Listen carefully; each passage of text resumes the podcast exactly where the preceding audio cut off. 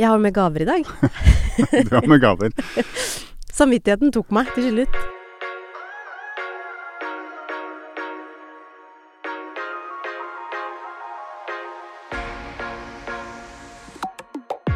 Ja, ikke sant? Det, du følte litt på presset. Jeg At gjorde nå var det kanskje din tur. Ja. Etter åtte morgener hvor jeg har vært på tilbudssida, ja. så har du gravd inn, i, dypt ned i lommeboka. Ja. Ja. Nei, det er noe med altså, jeg, ja, Kanskje jeg bare gjorde det for å liksom fri egen samvittighet, men jeg har i hvert fall med deilig pasjonsfrukt. Se, hør her, da. Åh, det er jålebrus. Det er jo veldig jålete å kjøpe sånn Det er jo helt hinsides dyrt å kjøpe sånn på en eh, Ja, men vet du hva som er mer hinsides? Det er jo at det egentlig også er så langreist som det går an. croissant, òg. den var Ja. varm. Ja, og jeg trengte det i dag fordi 650 kvadratmeter med ferdigplen er lagt. Er det sant? Det er mer jobb enn det man tror. Man tenker jo ferdigplen. Det er enkelt, det er bare å rulle ut. Det gjør seg sjøl. Ja. Det gjør det ikke. Jeg er så støl og har så vondt i kroppen ennå. Og ryggen er jo helt ødelagt, selvfølgelig. Det tok eh, tre fulle dager, ja. Det høres fryktelig tungt ut. og senskadene de sliter jeg med enda. Ja. Er, kom, det- altså, er det noe triks når man skal legge plen? Er det ikke sånn at man skal overlappe litt og sånn? Nei, nei, det skal inntil, tror jeg. Bare pass på at det er tett inntil, og så Jeg skal så det overvannes. Einar. Nilsson på Tid for hjem, Ja, Tid for hage, Ja. sa at det skulle legges litt sånn. Ja, kanskje det. Men de ligger typ sånn 20-30 kvadrat om gangen, da. Ja. Mm, 650 er mye. ja, det er mye, altså. Nei, det var eh, slitsomt. Det var det. Bra jobba. Mm. Jeg har eh, ikke sovet i natt. Jeg har hatt, hadde besøk av eh, en venninne som eh, har uh, gjort det slutt med kjæresten, og ble litt sånn minnet på Jeg bøy da på pannekaker Jeg bød på pannekaker og bobler. Fordi det hjelper mot alt. Det Ja. er mitt motto. Ja, bobler, da snakker du ikke om uh, sodastream med vann Nei da. eller Farris? Nei, det er rosa bobler. Ro Nei, nei. ok. Jo, men det er eh, sant, det. Eh, Champagne det funker til alt. Det funker til alt av mat. God match til alt av mat. Det, funker til fest, og det funker også til å slukke sorger. Ja, det gjorde det. Og det var veldig Mm. hyggelig. Men jeg ble minnet på litt sånn der hvor vondt det er å ha hjertet sitt knust, altså. Ja, Har du fått hjertet ditt knust før? jeg har jo det. Ja. Altså, man har ikke levd, tror jeg, hvis ikke man har vært borti det Mm. på et eller annet vis. Mm. Og det er jo ikke noe Hva skal jeg si Det er jo igjen litt sånn det ugjenkallelige i det, da, i hvert fall når man blir forlatt. Det er så endelig. Det er som en Mm. slags død, Ja. egentlig. Mm. Uansett hvor mye man vil og ønsker, så er det forbi. Mm. Nei, det er vondt. Så ja, det var jo trist. da. Og du ble liggende og tenke da på ditt eget liv og uh, nei, det var faktisk mest barna som nektet å sove i går. Jeg er okay. jo gressenke. Vi la oss i rimelig tid, det var ikke det. Men uh, så våkna den ene, og så våkna den andre, også. Ja, så, så gikk det noen natta. Og nå er vi her, men det gleder jeg meg til. For i dag så får vi altså så spennende besøk. Vi får Ja. besøk av selveste ja, Jeg har, jeg har ærefrykt, da. Det må jeg bare si. Det Ja. kjente jeg på veldig i går. At jeg begynte å grue meg litt. Jeg har veldig sånn respekt. Eh, og så tenkte jeg litt i går på at eh, jeg fikk litt sånn Aune Sand-følelse når jeg tenkte på han. Fordi ja. Eller, de er litt sånn like på ett vis. Litt i den Mm. derre svulstigheten, språket, den ekstravagansen, den stilen, den uh, Og nå snakker vi selvfølgelig om eh. Christian Ringnes. Ja, hvis det skulle være noen tvil. Ja. Eh, Ja, han er jo en sånn um, estetiker. ja. Og så tenkte jeg litt sånn Er Christian Ringnes en veldig light utgave av Aune Sand, eller er det Aune Sand som er en veldig, veldig drøy utgave av Christian Ringnes? Jeg har ikke egentlig fått tenkt noe over den sammenligningen der. Jeg har jo møtt ham bare ved par anledninger, kjenner datteren litt, grann, um, ene datteren. Eh, og jeg må bare si at jeg, jeg syns han er en sånn type som jeg kunne ønske jeg hadde flere av i livet. Ja, det er en mann jeg har veldig respekt for. Ja. Som eh, virker å være veldig sånn livsnyter, veldig glad i livet. Ja. Samtidig som han jo skaper enormt mye bra da, for folk, men også i egen business. En dyktig for, forretningsmann Mm. som får til uh, mye på mange plan. da. Ja. Jeg gleder meg skikkelig til den praten her. Um, vi må være litt på tida, for at uh, han har jo en, eh, en pakka timeplan. Ja, det er det jeg glemmer når jeg tenker på Christian Ringnes. Jeg tenker at han har ikke noe timeplan. Nei. Han bare nyter livet. han koser seg. Han bare koser seg. Ja, Livets glade sti. Ja, Nei, vi, skal vi ønske ham velkommen? Jeg, jeg er så spent, jeg. Ja, la oss komme Jeg har pynta meg i dag og alt.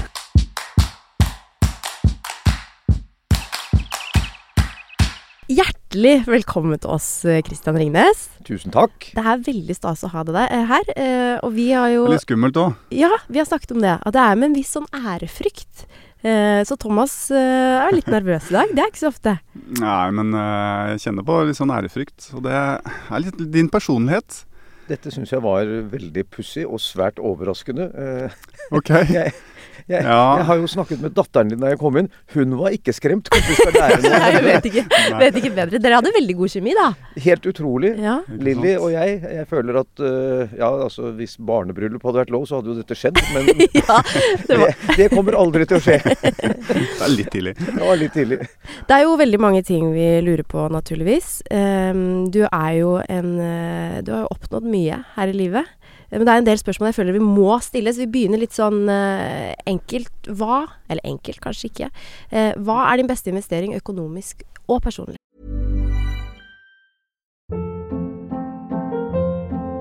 Hold up. What was that? Boring. No flavor. That was as bad as those leftovers you ate all week. Kiki Palmer here, and it's time to say hello to something fresh and guilt-free. Hello Fresh. Jazz up dinner with pecan-crusted chicken or garlic butter shrimp scampi. Now that's music to my mouth. Hello Fresh. Let's get this dinner party started. Discover all the delicious possibilities at hellofresh.com.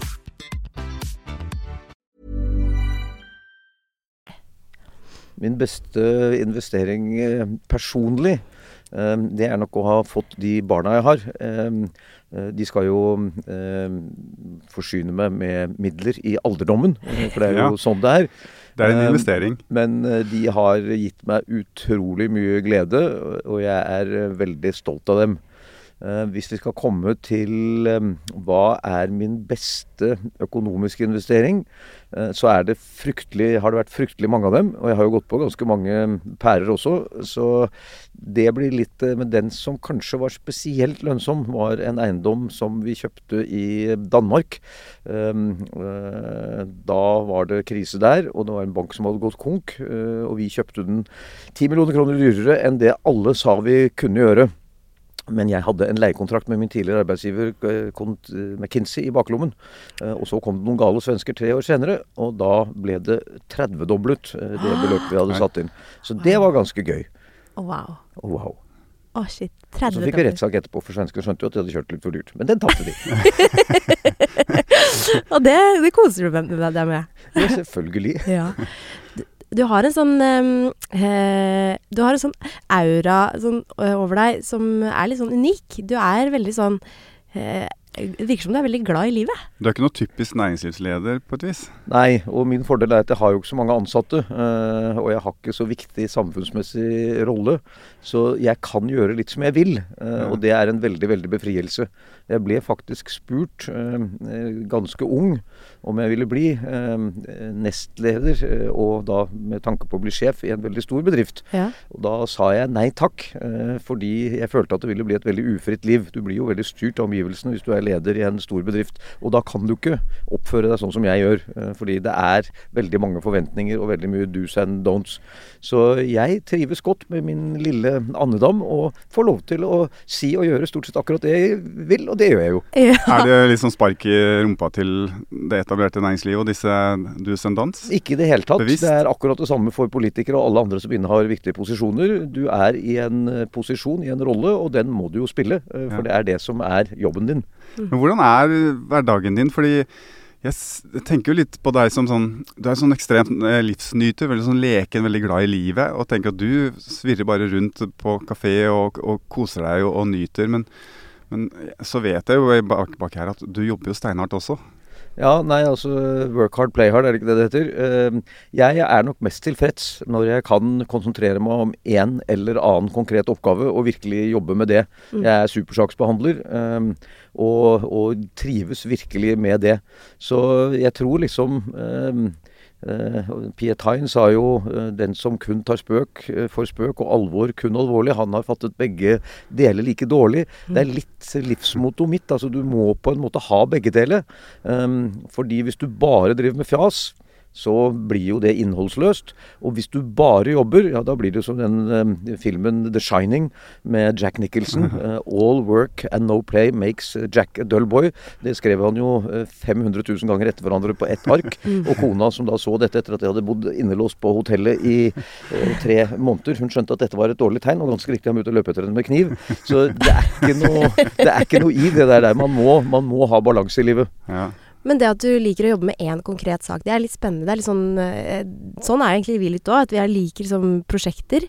Eh, og føler kanskje at det også er litt sånn eh, koden til å kunne jobbe uendelig, på en måte. Man blir ikke sliten fordi eh, man jobber bare med den ene saken. Hvordan eh, føler du rundt det? Er det? Blir du mer sliten i hodet hvis det er mye som skjer? Eller? Ja, jeg er jo mann, eh, og vi klarer jo ikke mange ting på en gang. Ja. Jeg kan ikke, jeg har iallfall fire ganger fylt diesel istedenfor bensin på bilen, bare fordi jeg sto og snakket i telefonen og klarte ikke det engang. Så du har helt rett. Jeg tror eh, det å konsentrere seg om én ting, det er veldig gunstig både for tingen og for en selv. Eh, Og så er jo ikke verden sånn, fordi eh, altså, verden stopper jo ikke opp selv om jeg driver med et prosjekt. og Jeg skal jo holde på med masse andre ting også. Eh, Så du må på en måte klare å kombinere. Men jeg elsker å begrave meg ned i én ting. Men velger du da disse tingene, de prosjektene du nå engasjerer deg i, er det med hodet eller kanskje mer med hjertet nå? For du er jo på et nivå hvor du kan velge helt fritt. Ja, jeg tror det blir begge deler. Eh, igjen, balanse. Altså, du vil jo ikke gjøre ting som bare er for lystens skyld. Det må jo være litt nyttig også, hva noen, det man skal definere nytte som. Så eh, nei, jeg tror eh, begge deler. Eh, dessverre, det er ikke så lett å få sånne enkle svar. Det er, det er på den ene siden, på den andre siden. I gamle dager så var jo alt svart-hvitt. Nå er det mye mer nyansert, alt jeg eh, er borti. Du har jo, jeg har lest et sted at du ville Da du var yngre, så ville du bli sjef. Ikke bare det, jeg ville bli millionær og playboy også. At du ville det, ja? Ja, ja, ja. Dette skrev jeg både etter Har du sjekka videregående alle tre? Eh, ja, og jeg hadde det etter, etter skole i Jeg var jo student i Sveits, og der skrev jeg det til og med på fransk. Eh, Sjef Playboy er millionær, heter det så flott der. Ja. Så absolutt. eh, og jeg har gjort det riktig dårlig. Altså sjef for 38 stykker, det er jo ikke store sjefen. Og um, Playboy, altså jeg er jo tross alt uh, gift og forlovet og jeg vet ikke hva. Um, og så uh, millionær. Jeg ble jo milliardær, så dette er en fullstendig fiasko. Men hvorfor var det så viktig for deg å bli sjef? Uh, jeg har alltid villet bestemme over meg selv. Uh, så altså det å være sjef betyr egentlig bare å være sjef for ett eneste menneske. Um, og ganske riktig, den første ordentlige sjefsjobben jeg fikk, da var det meg og en annen. Og det syns jeg var aldeles strålende. Ja, Så du tenkte sånn utgangspunkt å være din egen sjef? Ja, ikke sant. Det å slippe at andre skal bestemme hva du gjør. Ja. Og så er jo det litt av en illusjon, fordi uansett, altså, du har jo alltid kunder, og du har banker, og det er jo masse folk som bestemmer hva du gjør. Men du kan iallfall bestemme når du gjør det, til mye større grad hvis du er din egen sjef. Ja, men jeg kjenner meg igjen i det. Folk har prøvd å bestemme over meg, og det går sjelden veldig bra. Mm. Det er et godt tegn. Jeg tror det. Jeg mener det er et godt tegn. Eh, hvis du kunne gi en bok i gave til noen du var glad i, hvilken bok vil ville du gitt da? Ja, nå holder jeg på å skrive en bok selv, så det måtte jo vært den boken, da. Men den er jo ikke ferdig med ennå. Så hvis jeg skulle Det kommer helt an på uh, hvilken setting det var i. Fordi forskjellige mennesker skal jo ha forskjellige bøker. Um, jeg har nettopp, eller ikke nettopp, for en god stund siden så leste jeg den til Abid Raja. eh, For han skulle avduke et verk for oss oppe i Ekebergparken. Og da tenkte jeg jeg får jo bla inn under boken hans bare for å se så vi har noe å snakke om. Mm. Um, og så var jo den så god at jeg ble jo sittende til klokken fire om morgenen uh, helt fengslet. Så det er en bok jeg godt kunne ha gitt bort. Ellers så må jeg jo si at eh, Ibsen har alltid vært meg spesielt nær. Um, og det er selvfølgelig litt mye å gi bort uh, trebinds samlete samlede verker, men det er noe jeg godt kunne gjort. Ja. Men den boken som har gjort aller mest inntrykk på meg, det er en som ble skrevet en som het Patrick Susken, eh, som het 'Parfymen', Le Parfum. Um, kanskje duften på norsk. Eh, det er en helt utrolig bok som forteller om eh, parfyme og parfymelaging. Og det er da fra den gangen man faktisk gjorde det i Paris. Og han klarer å beskrive den stanken som var i Paris den gangen, med åpen eh, åpent avløp ut i gaten og sånn. Og så hvordan denne fantastiske duften da blir skapt. Og det ender jo da opp med at han begynner å myrde jomfruer for å ta duften av dem. Eh, og dette blir jo den mest vellykkede parfymen som har vært solgt noen gang. Folk betaler millioner av kroner bare for en liten dråpe.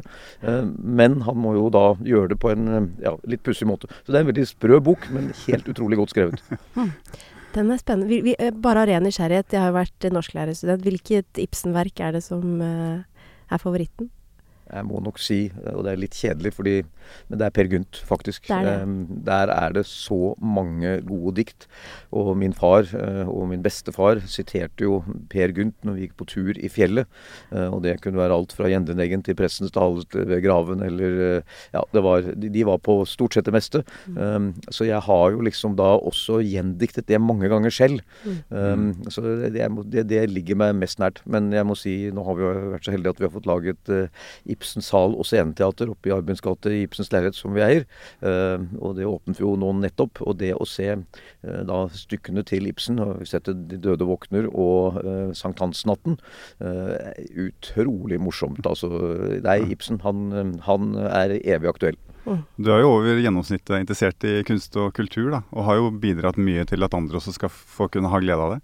Ja, du vet når man ikke kan selv. For jeg har jo alltid ønsket meg at jeg egentlig var veldig god til å skrive eller tegne eller male eller, og, og, eller synge. Det har jeg til og med Ja. prøvd på Maskorama Ja. uten eh, noe hell i det hele tatt. så, så altså, blanke enere er jo ikke det, det er jo ikke klokkerent, på en måte. Uh, så uh, jeg har ofte tenkt at jeg burde kanskje prøve å orkestrere, altså være en producer. Eh, og da er det jo å legge til rette, eh, som f.eks. Ekebergparken, eh, Ja. for at folk skal kunne få oppleve stor kunst. Fordi selv om du ikke er kunstner selv, så kan du faktisk ha en veldig stor glede av opplevelsen. Og akkurat den delen skjønner vel kanskje jeg da minst like godt som andre. Ja, jeg har stor glede av å, å se kunst sjøl, og så har jeg tenkt noen ganger at det er gøy å prøve litt, for det ser jo ganske greit ut. Og jeg har en kone som, som maler litt. Men det, det, jeg får på en måte ikke sånn Jeg har et klart bilde inni hodet nøyaktig hva jeg skal gjøre og hvordan det skal se ut, og så stopper det på veien et eller annet sted eh, på armen før det kommer ut i penselen. Jeg, Det, jeg da, da er du ganske heldig, for hos meg så stopper du før det er startet i hodet. Iallfall fall når ja. det gjelder malerkunst. du får det ikke Musikk, er, musikk har jeg sånn som deg. Der, Ja. der har jeg det liksom klart for meg i hodet hvordan det skal høres. Ja. Men der kommer det, altså der stopper det vel et eller annet sted eh, bak nesen, da, eller noe sånt. Jeg skulle ønske jeg hadde Helene sitt eh, talent når det gjelder musikk, da, til å lage Det vi- lis- det kan vi være enige listepop og listepop. Men vi ville vel strengt tatt gjerne hatt Helenes utseende også, så det er så Ja, mye med Helene vi gjerne ja. kunne tenkt oss å ha hørt. Absolutt. Um, hva er den største feilen du har gjort, Christian, og som du har lært mest av? Det er jo et spørsmål som jeg burde liksom kunne vite svaret på. Um, men jeg Det er jo helt forferdelig å si. Jeg kan ikke egentlig huske at jeg har gjort noe Jo, jeg gjorde jo en stor feil, og det var da jeg i russetiden um, jeg satte meg bak rattet på vår russebil for å få startet den, uh, og hadde 0,56 i promille og ble tatt av politiet. Den gangen så røk man jo i fengsel for sånt. Um, så det gjorde jeg da. Jeg var på Kroksrud arbeidsleir. Uh, det var jo en feil. Ja. Um, men det er på en måte en opplevelse som var fryktelig nyttig. Og veldig Altså det å være på innsiden av en sånn arbeidsleir, skråstrek fengsel, det lærer deg noe om at du har ikke lyst tilbake dit, iallfall. Um, så det, Hva, men hva det lærte var du der? Nei, Det var sånn veldig håpløs stemning. Eh, Det var liksom ikke noe optimisme, ikke noe glede. Uh, Mye dårlig mat. Eh, eh, Nei, det var ikke noe, det var ikke noe trakt etter. Du har jo tre veldig gøye barn. Jeg, kjenner, har jeg. jeg. har jo gleden av å kjenne det, Isabel. Um, av alle ting du har eh, prøvd å lære de, hva er det du er mest uh, fornøyd med? Jeg tror eh, det er frihetstrang og selvstendighet, uh, rett og slett. Jeg, jeg tror de er ganske frie mennesker alle sammen. Um, og uh, jeg opplever at de er veldig til å stå på egne ben. Um, og det er jeg veldig stolt av. Jeg tror veldig mye av eh, lykken i livet kommer fra egen mestring. Altså Når vi får til ting, da blir vi glade, og så får vi til mer fordi vi er blitt glad, og så videre. God spiral. Og jeg føler at mine tre barn er veldig i den spiralen. De er veldig flinke til å eh, ta initiativ og få til ting. Eh, og så er de veldig glad i sin far, og det er jo også en veldig god egenskap. Ja. For det er jo litt sånn tradisjon i, i Ringnes-familien for at alle liksom gjør Hvert generasjonsledd gjør sin egen greie litt. Eh, det er ikke noe sånn at du helst vil at de skal ta over for deg. Nei, tvert imot. Eh, Min far drev med lastebiler. Jeg Kan Ja. kanskje være glad for at ikke det ble min skjebne også. Eh, enda det er business, så det spiller ikke så mye rolle hva man driver med business. Det er, liksom, det er jo å få ting til å vokse og bli vellykket, og prøve å, å gi noe nytte til samfunnet i det man gjør. Så, eh, men, men, det er helt riktig. Eh, min eh, tippoldefar var jo da Nei, oldefar var det faktisk. Han var jo da bryggerimann. Mm. Startet bryggeri sammen med sin bror. Og så hadde vi en som var i forsikring. Det var min bestefar. Og så var min far da i biler, og jeg er i eiendom. Og Isabel er i tech, og Christian er også i tech. Og Anette er jo for øyeblikket i First House. Men kanskje først og mest av alt en rytterske. Så ja, de, de gjør sine ting. Det er spennende, for det, det må jo være litt sånn eh, Altså, jeg vet ikke, når man har så mye penger som du har, på en måte, eh, hvordan eh, Altså, tror du du gjør ting annerledes? Er penger eh, noe du har tenkt på i opp, opp, oppdragelsen av dine barn? Eh, jeg har tenkt at det er veldig dumt hvis de eh, ikke ikke eh, skal få skape seg sine egne liv. Og det kunne det jo ligget an til hvis man liksom bare sa ikke du bør ikke gjøre noe, du kan jo liksom bare leve på arven. Ja. Men for det første så vet man jo aldri hvor lenge man har ting. Altså Det kan bli krig, og plutselig kan skattevesenet komme. og mm. altså Du vet jo aldri hvor lenge du har, så alt er på en måte litt til låns. Uh, så det eneste du vet at du har, det er jo det som er inni deg. Uh, det er litt vanskeligere for folk å ta. Mm. Uh, ikke minst hvordan du velger å ta ting. så det å bygge det er vel det som jeg har tenkt, i den grad jeg kunne bidra for barna mine at var det viktige, eh, rett og mm. slett. Så det er det jeg har lagt vekt på. Og så har jeg på en måte spilt vekk dette med pengene og sagt at dere får eh, utdannelse. Um, men det er det dere får. Det sa min far til meg, og jeg fikk jo mye mer til slutt. Men uh, jeg gikk jo og trodde på det. Og jeg tror mine barn også sånn halvveis trodde på det. Um, så de er nøkterne. Men for din egen del, du sa jo at du må Et av målene, en av drømmene var jo å bli millionær. Men når på en måte slutta det å handle om penger og, og bare gå over til å handle om det å skape noe og bidra Nei, det handler fremdeles om penger, fordi det er målestokken. ikke sant? Eh, okay. Så det handler jo ikke om pengene i seg selv. Men det er klart, ikke sant? hvis du har lyst til å gjøre prosjekter sånn som jeg har ja. altså Du kan ikke lage en eh, Ekebergpark av luft og kjærlighet. Eh, du trenger faktisk noe penger. Ja. Og så kan du jo selvfølgelig samle inn penger fra andre, men det er jo en ganske vanskelig jobb. For de har jo ja. ikke nødvendigvis din indre visjon av hvordan dette skal bli seende ut, og syns vel kanskje at det er morsommere å, å, lage en annen park et annet sted, eller et kunstmuseum, eller rett og slett bruke pengene på noe helt annet. Så du, det, det hjelper hjelper jo veldig til å få gjennomført prosjekter at du har økonomisk frihet. Og du får jo også en mulighet til å støtte andres prosjekter. Eh, og mm. ting som du syns er viktig. Vi støtter jo vår familie den Dyrevernsalliansen ganske mye. Eh, det syns vi er kjempeviktig, med mm. velferd for uh, dyr som da blir til mat etter hvert. At de iallfall skal ha det godt før de blir til mat.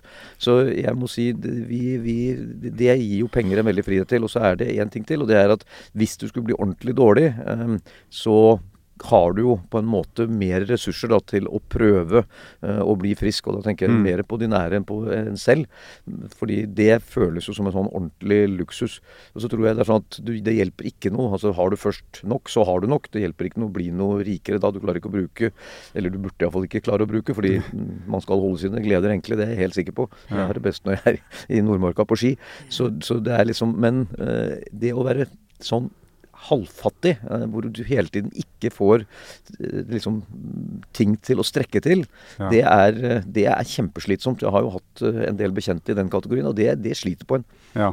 Jeg husker jo, Det er lenge siden nå, men jeg var på en, en sommerfest med liksom den ene halvdelen av norsk finanselite. Jeg hadde kjøpt en hytte i Kragerø, og så fikk jeg være med på den festen. Masse spennende folk og dyktige folk.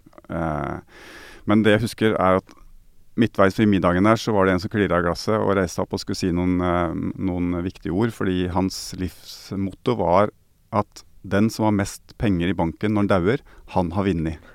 Og det syns hele gjengen var så fantastisk. Å reise seg opp og skålte, og dette her er det vi står for. Og da tenkte jeg at nå skal jeg hjem. Dette orker jeg ikke mer. Dette er ikke for meg. Jeg tror jeg vet hvem det var som sa det. ja, sånn. Men der er du ikke. Men jeg tror han er blitt en veldig hyggelig bestefar nå. Jeg, jeg, tror, jeg tror vettet kom til han da han ble litt eldre. Ja, takk og pris for det. Men du er ikke helt på det nivået? Nei, altså det der er jo bare tøys, selvfølgelig. Ja. Uh, men det er vel litt som en, en sportskonkurranse. Altså ja. Den som har gått fortest, uh, har vunnet. Og ja. på én måte så har de jo vunnet akkurat den lille delen av livet, da. Uh, men det er jo ikke det livet handler om. Det er jo det jeg har tenkt mange ganger. Er litt sånn befriende med idretten. Særlig vi som er liksom målt på tid. altså er, Det er liksom udiskutabelt. Er du et tiendedel raskere enn de andre, så er du best. da, Mens i næringslivet så altså Jeg har jo det er ingen steder jeg har møtt flere eh, konger og verdensmestere enn i norsk næringsliv. Ja, ikke sant? Og er det ikke deilig for dem? At de faktisk kan tro at de er kjempebra. Hver og en kan bare ta sin trone. Ikke sant?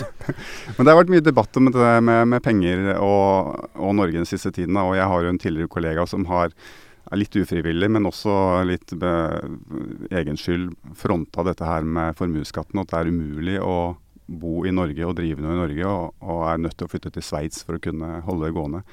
Mens du har på en måte gjort stikk motsatt. Du har eh, en, enda, gjort enda bedre enn han. Eh, men snur heller på det og sier at du kan bo her i Norge og du kan skape noe. Du kan gi noe til, til folk, til Oslo-borgere, til altså, ja, en helt annen løsning, på en måte. da.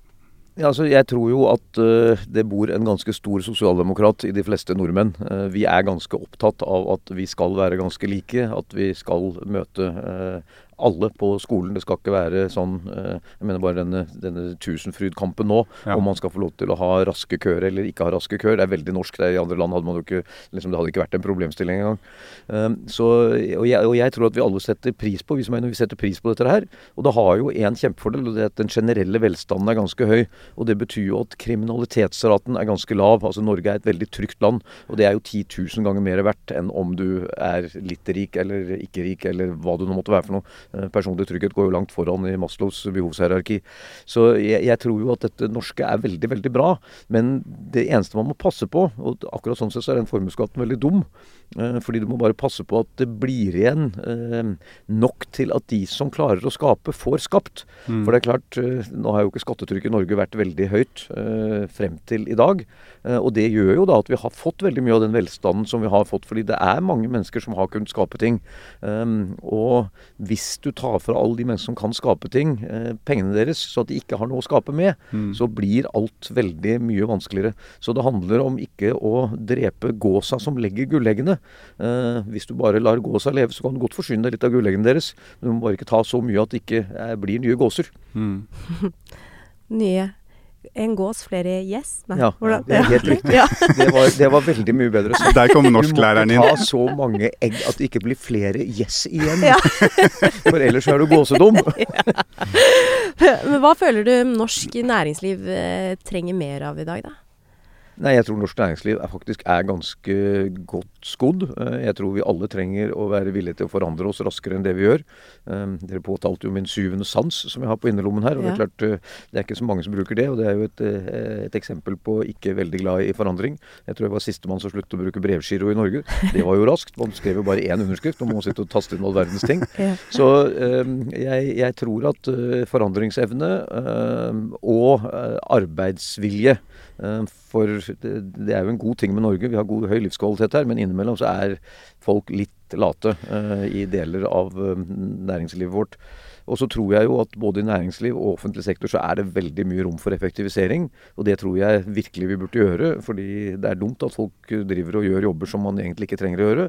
Um, uh, og jeg må jo si at en del møter med helsevesenet, skatteetaten, um, Nav Det er helt åpenbart at det er mye dobbeltadministrasjon og mye dumme mm. regler som man ikke burde hatt. Skolevesenet og sykevesenet lever jo på mange måter av veldig mye gode enkeltpersoner som klarer å operere i et system som er ganske dårlig. Eh, så der er det mye å hente. Jeg så Øystein Spetalen hadde en litt sånn eh, sammenligning på det. fordi når industrielle revolusjonen kom i England og Frankrike, så satt Spania med enorme mengder gull og tenkte at vi har gull, så vi trenger ikke å, å gjøre noe. Og at nå sitter Norge her, vi har så mye olje at vi soper inn penger. Vi trenger ikke skape noe annet. Altså, det er, er det mange mange eksempler på det. Um, Microsoft hadde ikke funtes hvis ikke Boeing hadde gått nesten over ende et par ganger. Ja. Da måtte alle de ingeniørene finne på noe annet å gjøre. Og tilsvarende i Stavanger er vel kanskje det stedet hvor det skjer mest på innovasjonsfronten nå. Det var pga. oljeprisfallet i 2015. Da måtte alle de ingeniørene som fikk sparken, måtte begynne å gjøre noe annet. Så at nød lærer naken kvinne å spinne, det er ikke noe særlig i tvil om. Og vi bor jo i et land land som per definisjon man må arbeide i. Ja. Altså Er man ekorn her, så må man samle mye til vinteren, for den er lang og kald. Uh, det er en veldig fordel uh, å måtte kjempe for ting. Ja, og vi har ganske mye putter i Norge. Vi, det går bra uansett, på en måte. Ja, det er riktig, men det har jo ikke alltid vært sånn. Så jeg tror jo i utgangspunktet, og spesielt folk fra Vestlandet, uh, det er et barskt folkeslag som vi har mye glede av. Hvis du tenker næringsliv, for jeg syns det er spennende, fordi jeg møtte igjen for mange år siden. Det er mange år siden jeg møtte folk.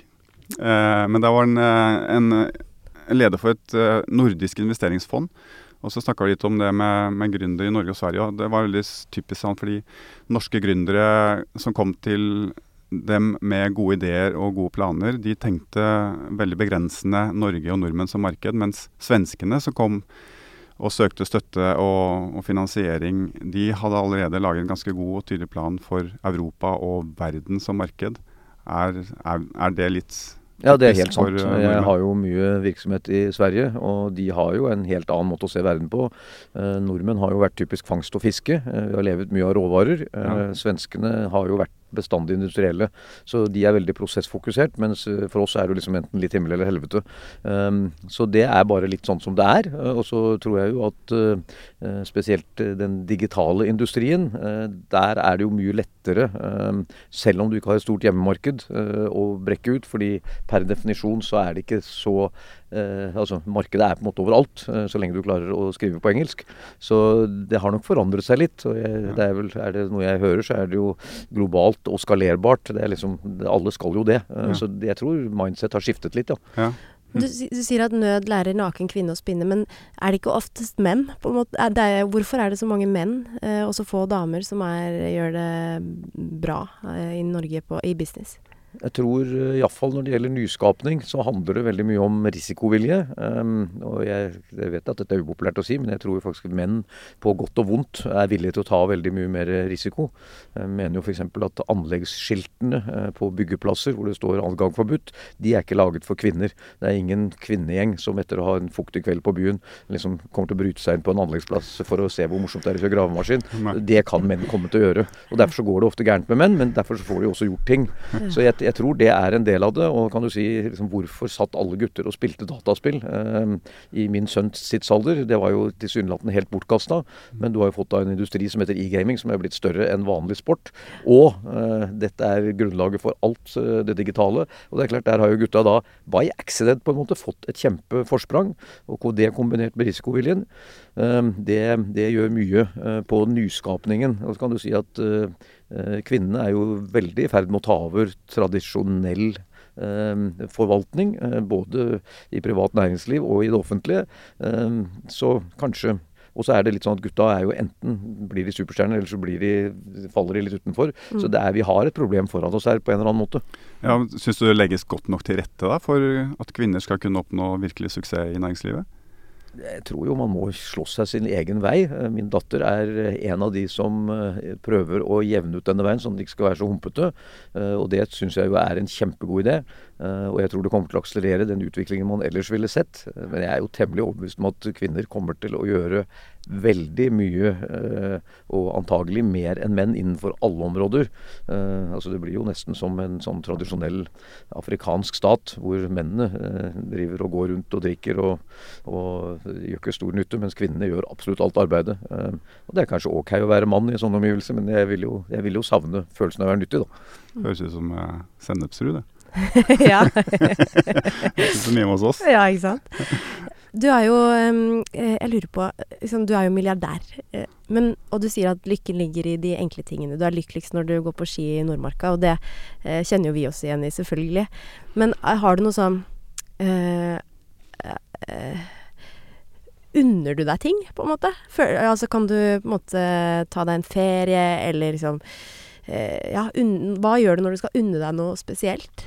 Det blir tilbake til har du arbeidet hardt, så har du god samvittighet for å ta en ferie. Ja, Uh, og da må du feriere ordentlig også. Ja. Uh, så jeg er ja for du gjør jo ting ordentlig, liksom. Ja, nei, Ja. så jeg, har, jeg har hatt masse ferie. Jeg har hatt mye ferie, ferie enn folk flest, tror jeg. Mm. Um, det, og det var jo som Isabel pleide å si da vi var yngre, um, at uh, pappa, nå har vi vært sammen uh, i seks uker hver eneste dag, og plutselig så ser jeg deg ikke i det hele tatt. Um, og det er klart, det er jo noe med det også. Det var jo Mm. ikke akkurat uh, rosende ment. Um, men eh, da får vi være glad for den lange ferien, da. Mm. Vi har jo snakket litt om det, eh, sånn dårlig samvittighet for å reise fra barna og ikke være til stede for barna og sånn. Fordi Thomas har jo fortsatt med å reise 200 døgn et, lenge etter at han fikk eh, barn og var ferdig med skikarrieren. Og jeg er jo litt sånn i startfasen her. Eh, har du kjent på det? Ja, Det tror jeg alle, eh, både fedre og mødre, kjenner på. Altså Tidsklemmen er jo reell hvis du har tre barn Mm. og eh, jobber. Så er det ikke nok tid. Eh, og så skal man jo gjerne ha litt alenetid også.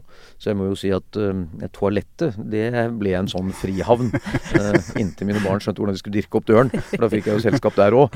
Men, men eh, nei, jeg tror man går i en konstant tilstand av eh, dårlig samvittighet og en følelse at du gjør litt for lite begge steder. Eh, sånn tror jeg bare det er. Og så må man bare liksom legge det vekk og si at ja, det er ikke bare jeg som har det sånn, alle har det sånn, og så bare prøve å gjøre det beste ut av det. Men ja, du går rundt og føler, og det er liksom sånn Mm. Husker alle de gangene du sitter i et eller annet businessmøte og du vet at hvis du bare holder på nå en halvtime til, så kommer du til å få det til. Du er liksom og så vet du at det sitter noen hjemme med middagen og venter. Mm. Det er en jævlig situasjon, og du må gjøre valg hele tiden. Men hvordan løser du det med deg sjøl? Fordi jeg, jeg og min kone har jo diskutert det mye, og det vi ender litt på, er på en måte at eh, jeg har så mye ting som jeg brenner for, og som, som river i meg. Og hvis ikke jeg får gjennomført det, eller hvis jeg bare skal være hjemme, så blir jeg også en veldig dårlig person. Da, eller da trives jeg ikke. Men hvis jeg får litt frihet til å kunne også ha mine ting og gjøre det som er så viktig for meg, så er jeg også en mye bedre mann og far når jeg er hjemme. Så derfor så blir det på en måte akseptert, eller det er det beste allikevel. Jeg tror at det, om det der er en livsløgn, eller om det er uh, realiteten uh, Alt handler jo om balanse. ikke sant? Fordi hvis du bare skulle ta hensyn til deg selv og dine behov, så ble det kanskje litt lite til de andres eh, hensyn og behov. Ja. Eh, men du har jo helt rett. altså Hvis du bare skulle leve på andres premisser, så ville du bli dypt ulykkelig. Så det, dette, er, dette er den vanskelige balansegangen i livet, rett og slett. Ja, jeg kom på en liten digresjon her nå, fordi jeg drev et eventbyrå for mange år siden, og så var vi på Sy- Synnøve Finden gård. Eh, og det er ikke noe hoteller der, og 170 gjester, så vi måtte inn på skoler og sovesaler. Jentesaler og guttesaler. Og så kom det et ektepar som jobba i Synnøve Finden, og, de, og hun kom til oss og var veldig klar på at de hadde ikke sovet fra hverandre en eneste natt på 24 år, og det skulle ikke skje den natta der heller. Så tenkte han stakkars, stakkars mann, eller stakkars folk. Tenkte, Er det noe de hadde trengt, så hadde det vært å være litt fra hverandre. Vet du hva? Dette er, dette er helt feil, fordi alle mennesker har sin måte å leve på, og det skal man aldri blande seg opp i. Nei, vi fant et gjesterom til dem. hvis eh, jeg hadde kommet til deg nå, Christian, og så hadde jeg sagt at eh, jeg, målet mitt i livet var å bli eh, millionær, playboy og sjef. Hvor skulle jeg starta? Eh, antagelig skulle du kjøpt deg en bolig. Uh, det er nok den den måten de fleste av oss er blitt millionærer på, Uh, uten å gjøre noe som helst. Bare tvungen sparing, rett og slett. Ja. Og generell prisutvikling. Eh, og det kan sikkert gå liksom litt ned når renten stiger, sånn som i dag. at eh, eiendom, hus, kan bli litt mindre verdt. Men hvis du ser det over en del år, så vil de følge inflasjonen. Så det tror jeg er den tryggeste måten å bli rik på. Å spekulere i bitcoin er det siste jeg ville gjort, for det skjønner jeg absolutt ingenting av. Nei. Det eneste jeg har skjønt, er at uh, hvis det ikke er noen som vil kjøpe det, så blir det ingenting verdt. Eh, og hvorfor man egentlig skal ha det, det skjønner jeg heller ikke helt. Men det er nå en annen sak. Uh, så, men jeg tror jo også å eh, Hvis du vil bli millionær Jeg leste en bok for en del år siden som het 'How to become a millionaire'. Um, og Den var skrevet av noen amerikanere, og undertittelen var 'We can show you how, but we are not sure you want to know'. Uh, fordi det de gikk på, var jo at uh, millionærer de ble millionærer stort sett fordi de jobbet hardt og ikke brukte penger. Eh, og det er jo en litt sånn deprimerende oppskrift da, i forhold til når man leser om alle de som liksom er Elon Musk eller liksom sånne folk som Ja. bare har gjort geniale ting, og så bruker de masse penger, og alt er kjempegøy. Men hvis du ser på da eh, statistisk sett, eh, millionærer, de tenderer til å bruke lite penger og jobbe hardt. Og de blir stort sett ikke millionærer før de er i dollar, da, var dette. eh, før de er liksom godt over 50. Um, men um, jevn og trygg sparing, altså komme på riktig side av renters rente. Mm. Ikke betale renter til banken annet enn på huslånet ditt. Og å klare å få renter enten av i aksjer eller eh, innskudd i banken, så er det rart med det. Altså Det baller på seg med tiden. Den gang jeg eh, drømte om å bli rik sjøl, så hørte jeg veldig ofte sånn at det, de første ti millionene er de tøffeste. Og bikker du ti millioner, så begynner ting å rulle av seg sjøl. Og den grensa har sikkert da Det er mange år siden, så den har sikkert steget veldig da. Men er det litt sånn at du som kommer opp på et visst nivå, begynner å få en, en viss mengde kapital, så blir ting mye lettere igjen? Spør Idar Vollvik. Han hadde én milliard. Eh, så jeg, nei, jeg tror det kommer virkelig an på hvordan du eh, eh, har fått den, eh, de første millionene dine. Ja. Fordi hvis du først har lært deg hvordan du tjener penger, så er det som alle andre ferdigheter. At Ja, da skjønner du hva du skal gjøre. Og så kjenner du mange mennesker eh, som du gjør ting sammen med. eh, og på den måten så kan du faktisk tjene penger. Eh, men jeg tror hvis du bare får eh, en lottogevinst, så er sjansen for at den er borte eh, når det er Ja. gått et år, mye større enn at du har fordoblet den. Ja. Så det handler jo om å lære seg et fag, rett og slett. Ja. Det må bli siste ord, faktisk. Fordi jeg sa det var med en viss ærefrykt, og respekterer tiden din, Kristian. Nå Ja. er den ti på, du måtte dra. Ah, Men eh, Vi kunne prata lenge, det er jeg ikke i tvil om. Ja, Men eh, tusen hjertelig takk for at du kom på besøk. Så sier vi until next time. Tusen takk for veldig mange gode og tankevekkende spørsmål.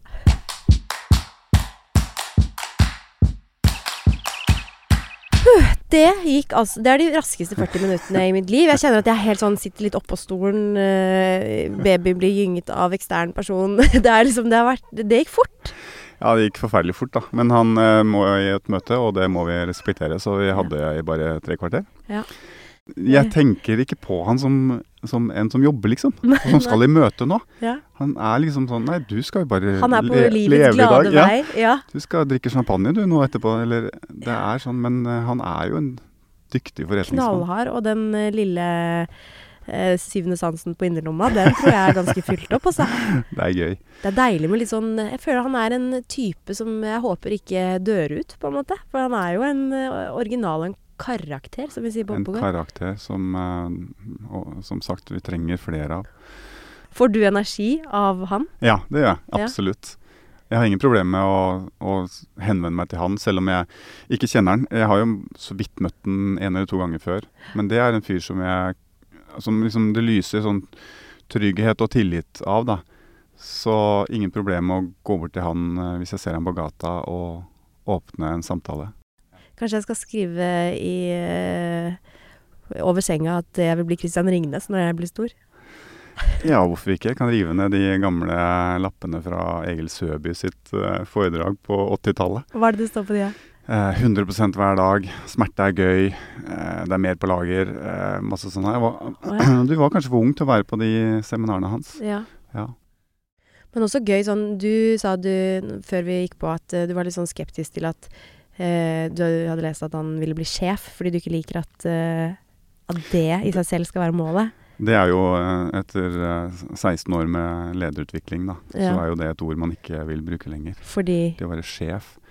For det å være sjef er jo sånn betydning ovenfra og ned. Ja, Mens i dag skal man jo være leder. Man skal jo bygge ikke sant. Men så snakket vi om det, og da skjønte vi at det var jo ikke det det handlet om i det hele tatt. sin egen jo- sjef. Ja. Ikke sant? Det er lov.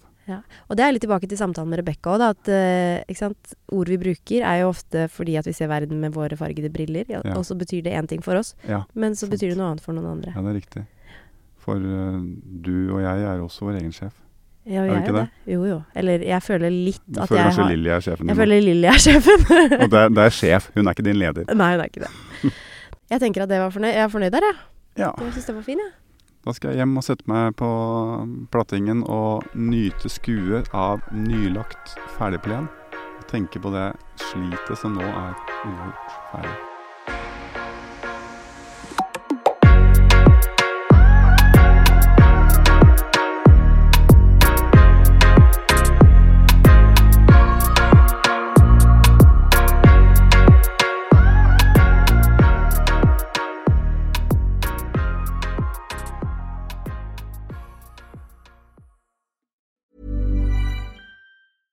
Catch yourself eating the same flavorless dinner three days in a row? Dreaming of something better? Well, HelloFresh is your guilt free dream come true, baby. It's me, Gigi Palmer. Let's wake up those taste buds with hot, juicy pecan crusted chicken or garlic butter shrimp scampi. Mm. Hello Fresh. Stop dreaming of all the delicious possibilities and dig in at HelloFresh.com. Let's get this dinner party started.